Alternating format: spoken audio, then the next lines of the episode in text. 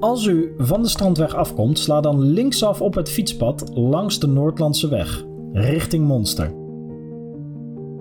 Blijf aan de strandkant van de Noordlandse weg. Dit deel duurt tot aan de eerste rotonde die u tegenkomt, dus als de audio dan nog doorloopt, mag u daar even wachten.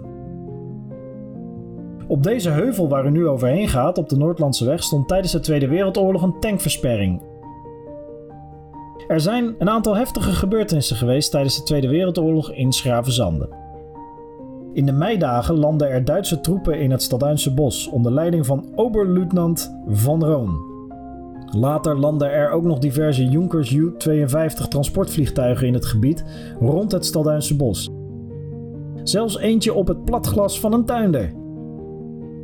Eigenlijk hadden zij vliegveld Ockenburg vlakbij Den Haag moeten bezetten, maar hadden zich in het donker vergist.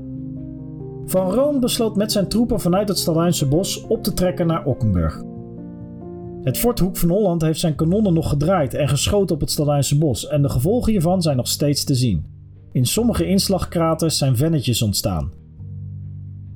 Er was in die meidagen best veel verwarring onder de Nederlandse soldaten in het Westland, maar desalniettemin hebben ze zich dapper verweerd. Zo stuitte de groep van Roon bij Café de Pet aan de andere kant van Schravenzande bij de Heenweg op een groep Nederlandse verkenners. Er werd geschoten en drie Nederlandse soldaten sneuvelden, waaronder Eduard Michels, een neef van de latere bondscoach Rinus Michels. De Duitsers trokken vanaf Café de Pet, dat nu niet meer bestaat, naar Schravenzande. En vlak voor de eerste huizen werden ze onder vuur genomen door Nederlandse soldaten. Twee burgers, waaronder een tuinder die op weg was naar de veiling, kwamen vast te zitten in de vuurlinie en overleefden het niet. Het zijn de eerste overleden burgers in Schravenzande in de Tweede Wereldoorlog. Schravenzande werd uiteindelijk onderdeel van Vesting Hoek van Holland, een van de zwaarst beveiligde gebieden van de Atlantic Wall. Honderden inwoners van Hoek van Holland en Schravenzande werden uit hun huis gezet om ruimte te maken voor bunkers, een grote tankgracht en een vrij schootsveld. Vooral de tankgracht, waar nog steeds delen van onderdeel zijn van de veel bevaarde waterwegen van het Westland, had veel impact. Zo'n 400 tuinders moesten hun kassen afbreken en hun land inleveren bij de Duitsers. Op 18 november 1944 hielden de Duitsers een razzia in Schravenzande. Iedereen kreeg de mededeling per brief in de brievenbus dat alle jonge mannen zich met een knapzak moesten verzamelen. Deze Schravenzanders zouden te werk worden gesteld in het midden van Nederland aan verdedigingswerken van de Duitsers. In totaal werden er 700 mannen opgepakt.